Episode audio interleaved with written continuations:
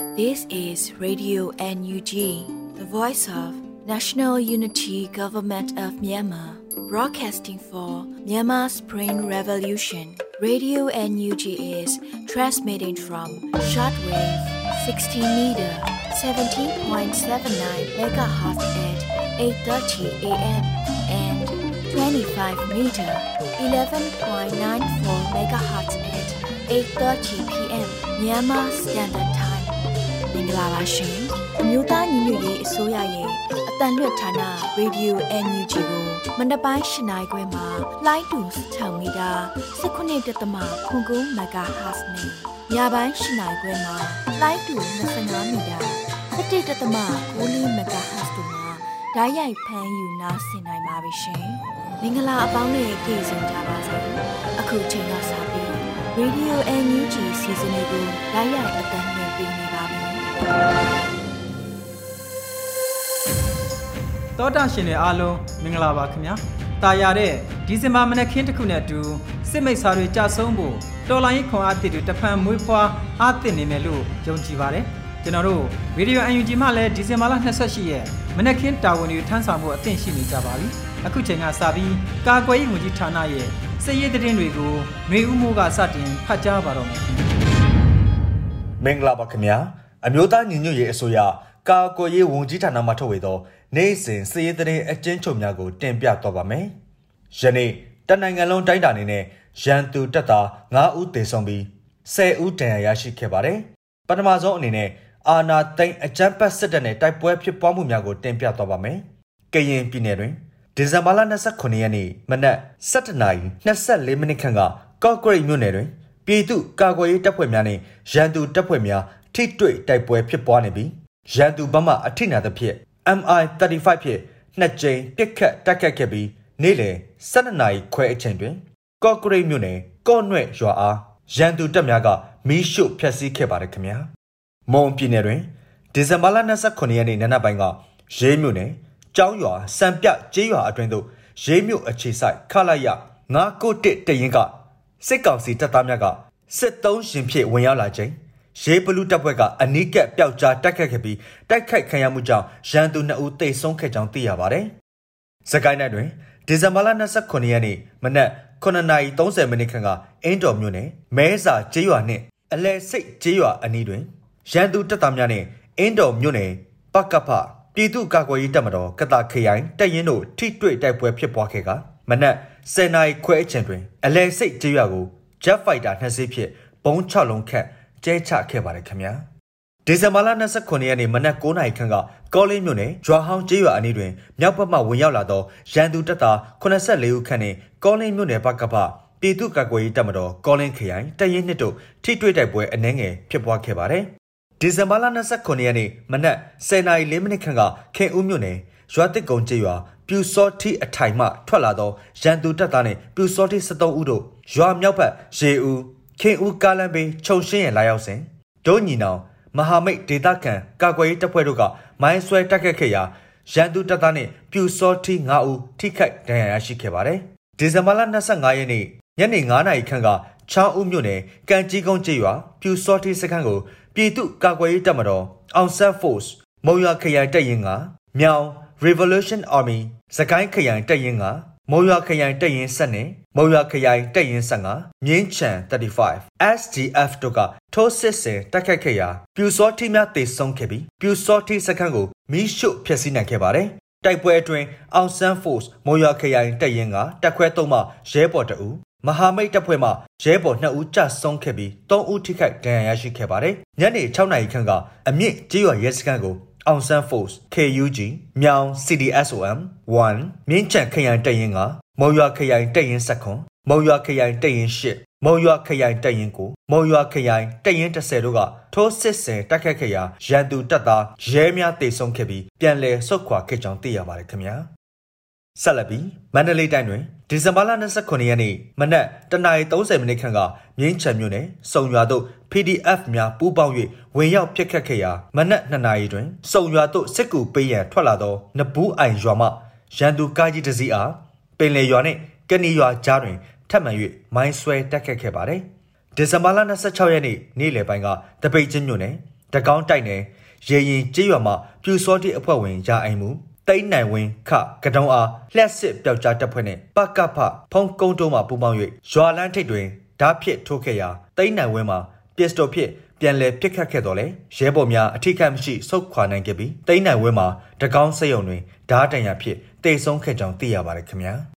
ဒီဇင်ဘာ26ရက်နေ့ညနေ9:15မိနစ်ခန့်ကမတရားမြို့နယ် တဖန်တောက်ကြေးရွာတွင်အင်အား20ကျော်ပြတ်တက်ဆွဲ၍လူရက်တောင်းကျနေသောရန်သူများ PT တန်းစီနေခြင်းတွင် ABRF မတရား Down City မတရား Sky Hero နှင့် Unicorn Gorilla ပျောက်ကြားတပ်ဖွဲ့တို့ပူးပေါင်း၍ drone ဖြင့်ဘုံချတိုက်ခိုက်ခဲ့သောကြောင့်ရန်သူတပ်သား2ဦးသေဆုံး၍9ဦးထိခိုက်ဒဏ်ရာရရှိခဲ့ပါတယ်ခင်ဗျာ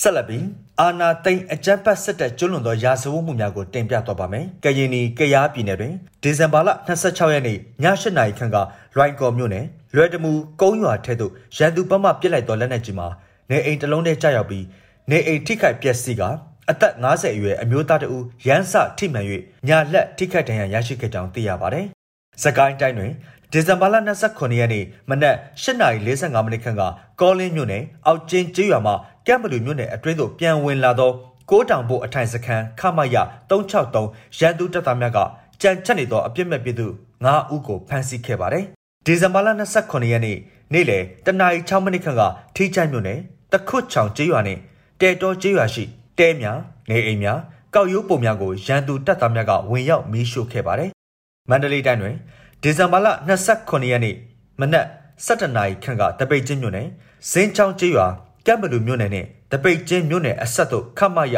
368မှာရန်သူတပ်သားနဲ့ပြူစောတိများက လက်နက်ကြီးများဖြင့်ပစ်ခတ်ဝင်ရောက်ခဲ့ပြီးနေအိမ်များကိုမီးရှို့ဖျက်ဆီးခဲ့ပါတယ်။ဒီဇင်ဘာလ29ရက်နေ့နံနက်ပိုင်းကမတရားမြို့နယ်စိန်ပန်းကုန်းကျေးရွာထက်သို့စီးနင်းဝင်ဝင်နေသောရန်သူများကဒေသခံအမျိုးသားတအူအားဖမ်းဆီးညှဉ်းပန်းတပ်ဖြတ်ကအလောင်းအားမြေနုကျွန်းတွင်စွန့်ပစ်ထားခဲ့ပါတယ်။ဒီဇင်ဘာလ29ရက်နေ့နေ့လယ်12နာရီကငင်းချံမြို့နယ်ငတ်နန်ကျေးရွာရှိကိုဖိုးပါဤနေအိမ်အားရန်သူများကမီးရှို့နေပြီးကိုယ်ကြီးရွာရှိပြူစောထင်းများက ပြည်သူတအုပ်အားဖမ်းဆီးထားခဲ့ပါတယ်။ဒီဇင်ဘာလ29ရက်နေ့ကမြင်းချံမြို့နယ်ထိန်ပင်ရွာရှိပြည်သူတအုပ်အားရန်သူများကပြစ်တက်သွားခဲ့ပါတယ်။ဒီဇင်ဘာလ26ရက်နေ့ညပိုင်းကငါးစုံမြို့နယ်ကုလဂျွာကြီးတောင်ဘက်တွင်ရန်သူများကအလောင်း၃လောင်းအားလာရောက်ပစ်ထားခဲ့ပါတယ်။ပဲခူးတိုင်းတွင်ဒီဇင်ဘာလ26ရက်နေ့ည10:00နာရီခန့်ကကြောက်ကြီးမြို့နယ်ကော့ပြင်းကျေးရွာရှိနေအိမ်ပေါ်သို့ခမရ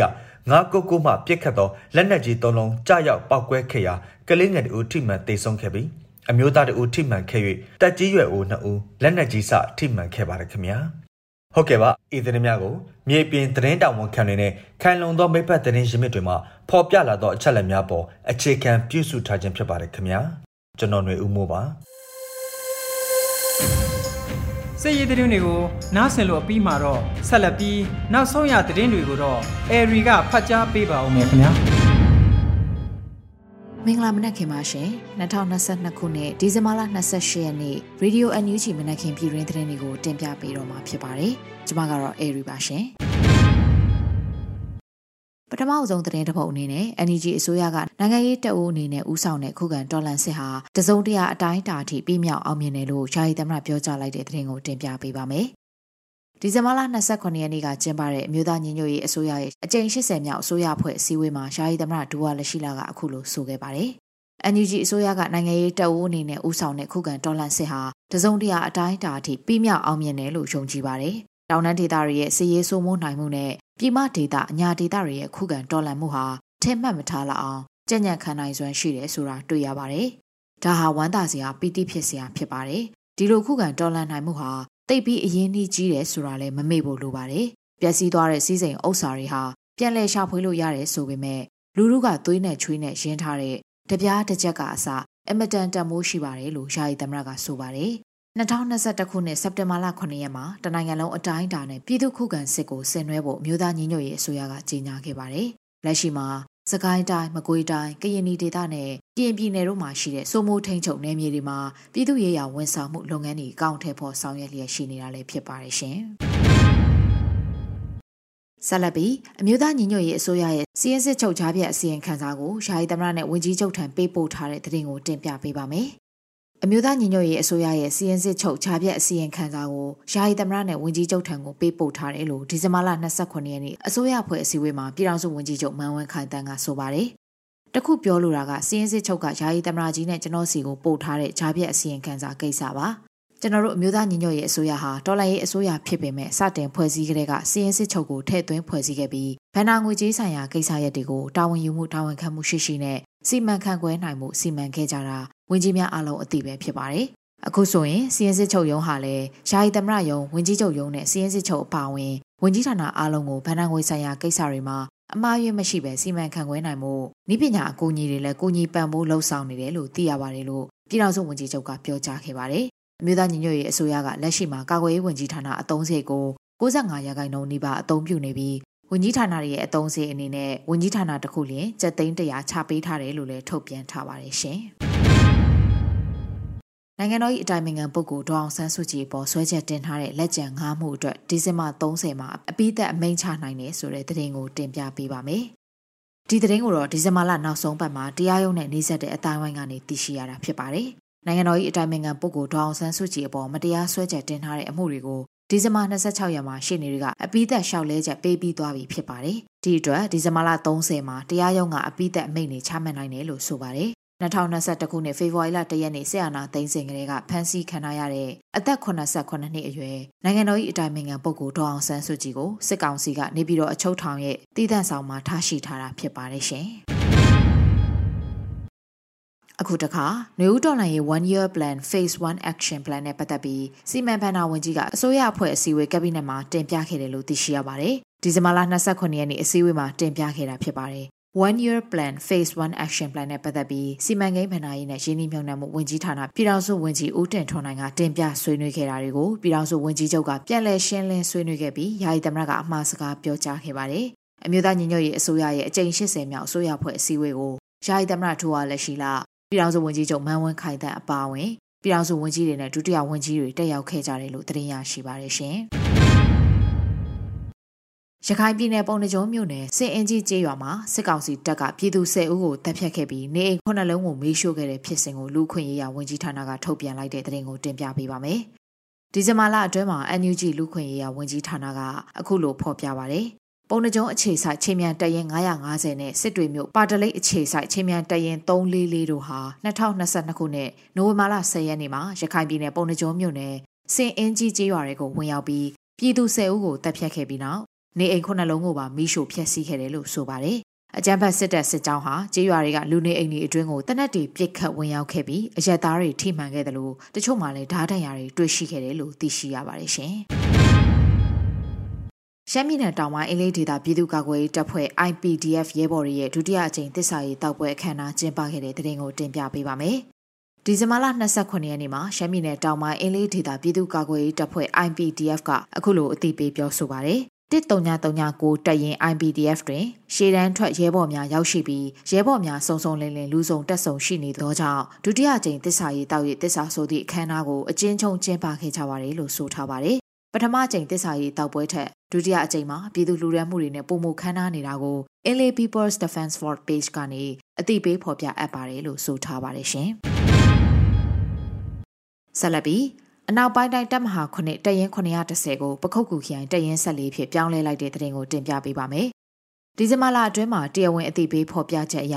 အနောက်ပိုင်းတိုင်းတပ်မဟာ9တရင်910ကိုအမျိုးသားညီညွတ်ရေးအစိုးရကာကွယ်ရေးဝန်ကြီးဌာနကပခုတ်ကူခရိုင်တရင်14ဖြစ်ပြောင်းလဲတာဝန်ပေးအပ်လိုက်တယ်လို့ဆိုပါတယ်။ဒါကြောင့်အနောက်ပိုင်းတိုင်းတပ်မဟာ9တရင်910ဟာစစ်ရေးအပါအဝင်လှုပ်ရှားမှုအားလုံးကိုပခုတ်ကူခရိုင်တရင်14အဖြစ်ယနေ့မှစတင်ပြီးပြောင်းလဲသုံးဆွဲသွားမယ်လို့ဖော်ပြထားပါတယ်ရှင်။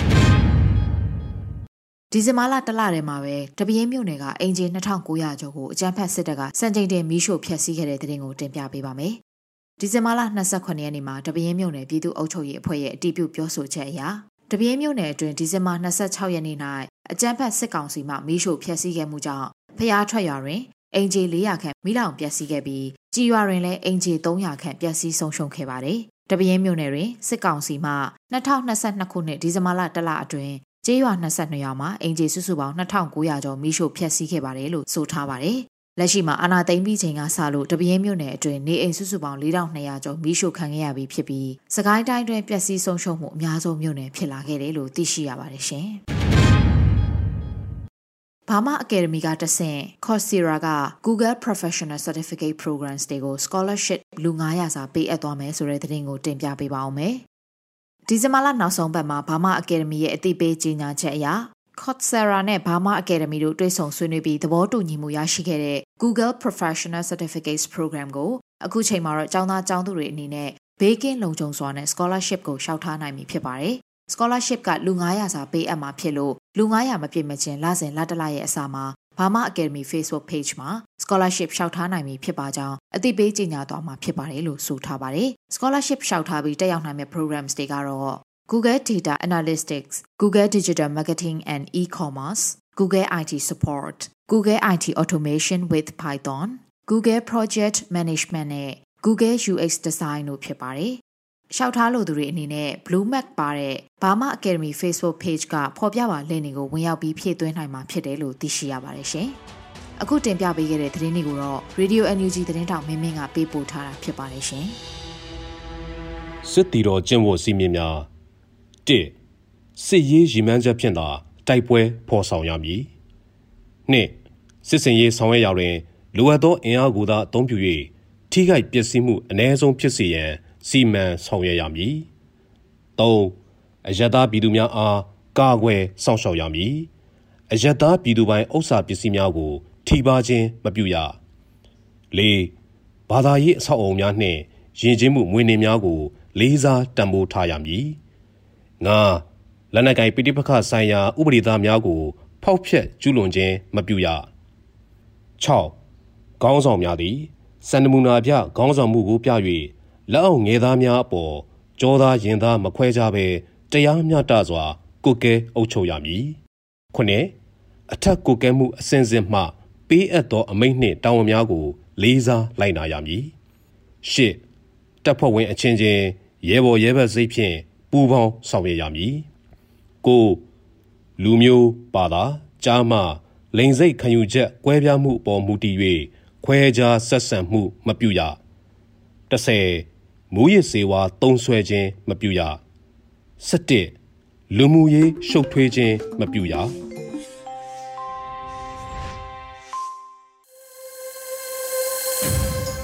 ရေဒီယိုအန်ယူဂျီရဲ့ဒီဇင်ဘာလ28ရက်မနက်ခင်းသတင်းတွေကိုနားဆင်ခဲ့ကြရတာဖြစ်ပါတယ်။ဆက်လက်ပြီးတော်လိုင်းရေးတေးဂီတကိုအလှည့်ပေးပါမယ်။စလိုင်းထန်ကီရစ်ဆက်ပြီးစလိုင်းထန်ကီနဲ့တူ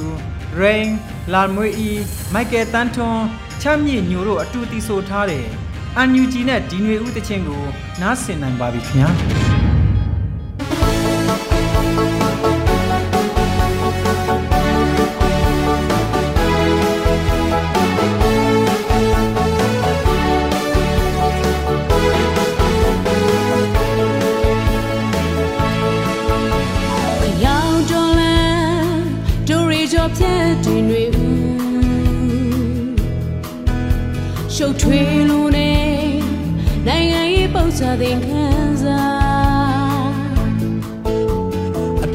ရှာရင်ခက်ခဲချမ်းချမ်းနဲ့ဒီခရီး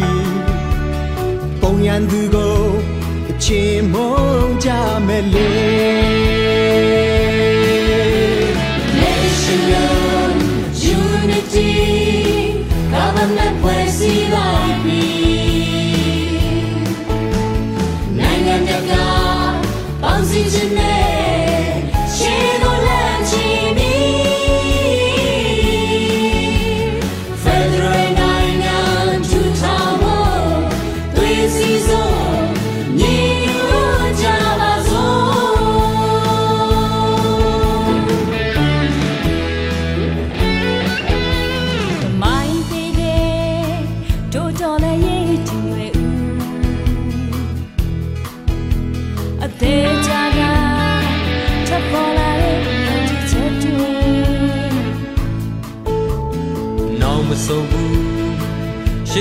စ်ဆက်တိုက်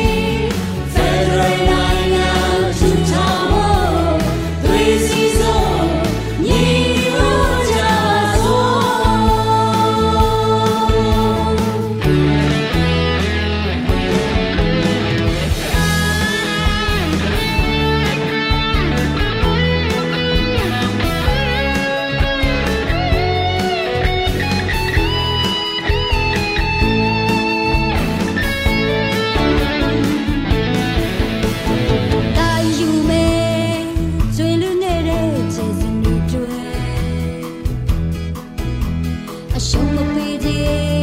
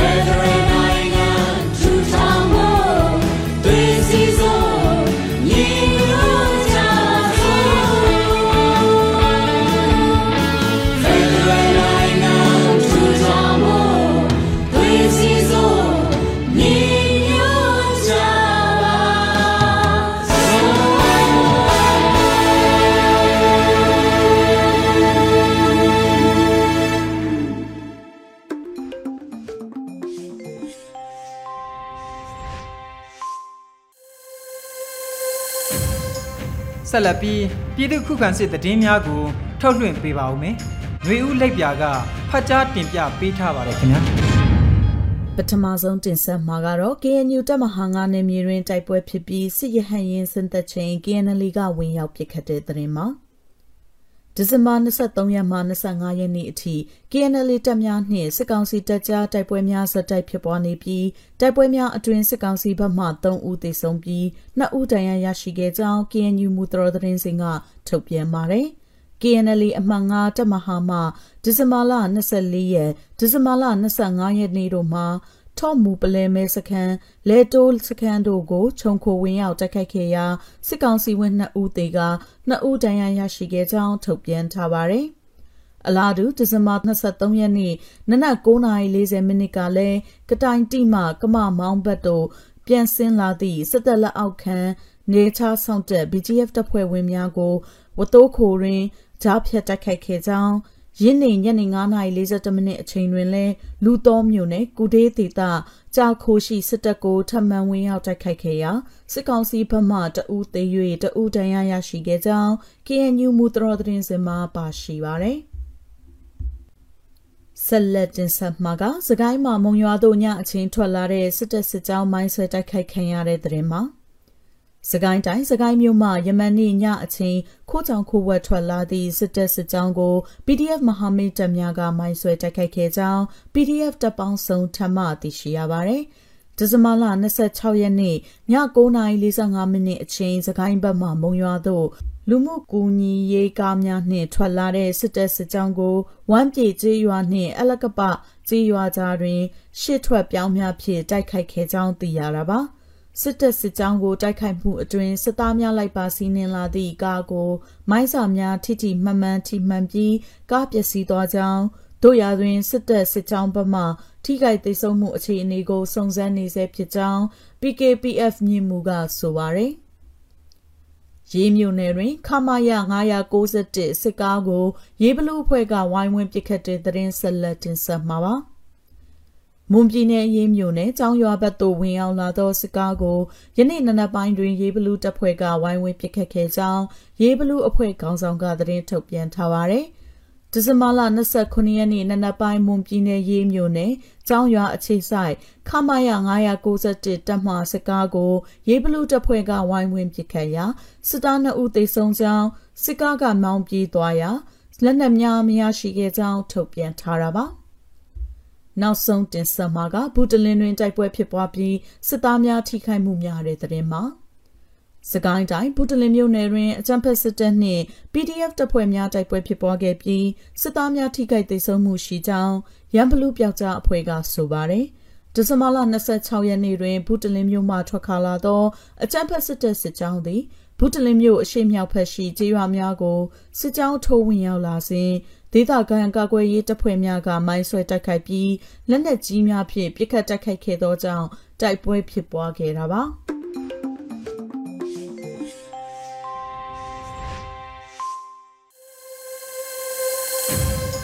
ဗီဒီယိုအန်ယူဂျီမှာဆက်လက်အတန်လွှင့်လျက်ရှိနေပါတယ်။အခုတခါမှာတော့ PPTV ရဲ့နေ့စဉ်သတင်းတွေကိုထက်ထက်အိန္ဒြာအောင်ကတင်ပြပေးပါအောင်မယ်ခင်ဗျာ။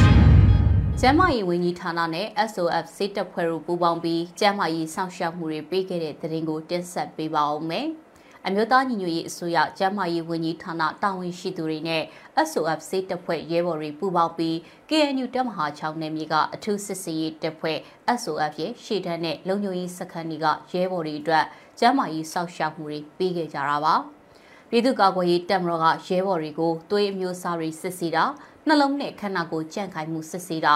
အသေးအောင်အတဝါဘီပိုစီပိုစစ်ဆေးတာတွေနဲ့ HIV ယောဂါပိုးရှိမရှိစစ်ဆေးတာတွေကိုပြုလုပ်ပေးခဲ့ပါတယ်။ဒါအပြင်တခြားကျန်းမာရေးဆိုင်ရာစစ်ဆေးမှုတွေလည်းပြုလုပ်ပေးခဲ့ပြီးလိုအပ်တဲ့ဆေးဝါးကုသမှုတွေပေးအပ်တာနဲ့ကျန်းမာရေးအသိပညာပေးလုပ်ငန်းအစီအမံတွေကိုလည်းပူးပေါင်းဆောင်ရွက်ခဲ့တယ်လို့သိရပါဗျ။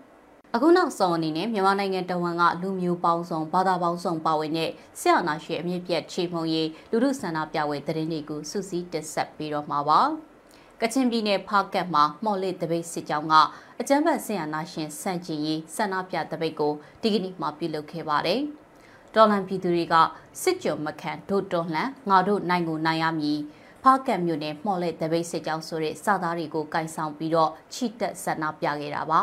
ရင်းမပင်မြို့နယ်မြောက်ချမ်းဆင်ရလာရှင်စန့်ကျင်ရေးတပိတ်အင်အားစုကဒီကနေ့မှာအကြမ်းဖက်စစ်တပ်ကြရှုံးရေးဖြစ်အာယုံဦးတပိတ်ကိုပြုလုပ်ခဲ့ပါတယ်ဆန္ဒပြတော်လှန်ပြည်သူတွေကစစ်ခွေးနီကုံ2023အာယုံမလွဲစေနဲ့စိတ်ဝမ်းမကွဲစေနဲ့တတန်နေညီတချီရဲ့ယုံရဆိုတဲ့စာသားကိုကိုက်ဆွဲပြီးတော့ချီတက်ဆန္ဒပြလှည့်လည်ခဲ့တာပါ ဆလင်းကြီးမြို့နယ်မှာရှိတဲ့အာမန်တစ်လူလူတွေဥဆောင်တဲ့အာမန်တစ်တပိတ်စစ်ကြောင်းကအကြမ်းဖက်စစ်တပ်ကြရှုံးရေးညနေခင်းတပိတ်ကိုပြုလုပ်ခဲ့ပါတယ်တော်လန်ပြည်သူတွေကရင်ဘတ်ချင်းတူမှတော်လန်ရေးအောင်မြင်ပြီဆိုတဲ့စာသားကိုကိုက်ဆွဲပြီးတော့ဆန္ဒပြချီတက်ခဲ့ကြတာပါ။ရင်းမှတ်ပင်အရှိချမ်းမှာတော့တော်လှန်ပြည်သူတွေရဲ့ကဲ့တစ်ရှိမရှာတို့ကြီးရွာတပိတ်ကအကြမ်းဖက်စစ်တပ်ကြရှုံးရေးညနေစီစာတပိတ်ကိုပြုလုပ်ခဲ့ပါတယ်။ တော်လန်ပြည်သူတွေကကဲ့တစ်ရှိမရှာတို့ကြီးရွာဆိုတဲ့စသားတွေကိုကင်ဆွဲပြီးဆရာနာရှင်ကြရှုံးရေးချီတက်ဆန္ဒပြခဲ့တာပါ။ရမတ်ပင်စလင်ကြီးရွာပေါင်းစုံတပိတ်ကတော့656ရဲမှအဖြစ်နဲ့အကြမ်းဖက်စစ်တပ်ကြာရှုံးရေးဆန္ဒပြတပိတ်ကိုပြုလုပ်ခဲ့ပါတယ်။တော်လန်ပြည်သူတွေကလူလူတိုက်ပွဲအရှိန်မြင့်ညာဘုံရန်သူကိုခြေမုံကြဆိုတဲ့စာသားတွေကိုကိုက်ဆွဲပြီးတော့ချီတက်ခဲ့တာပါမတရားမှုကိုတော်လန်တော့ရေဦးသားကောင်အောင်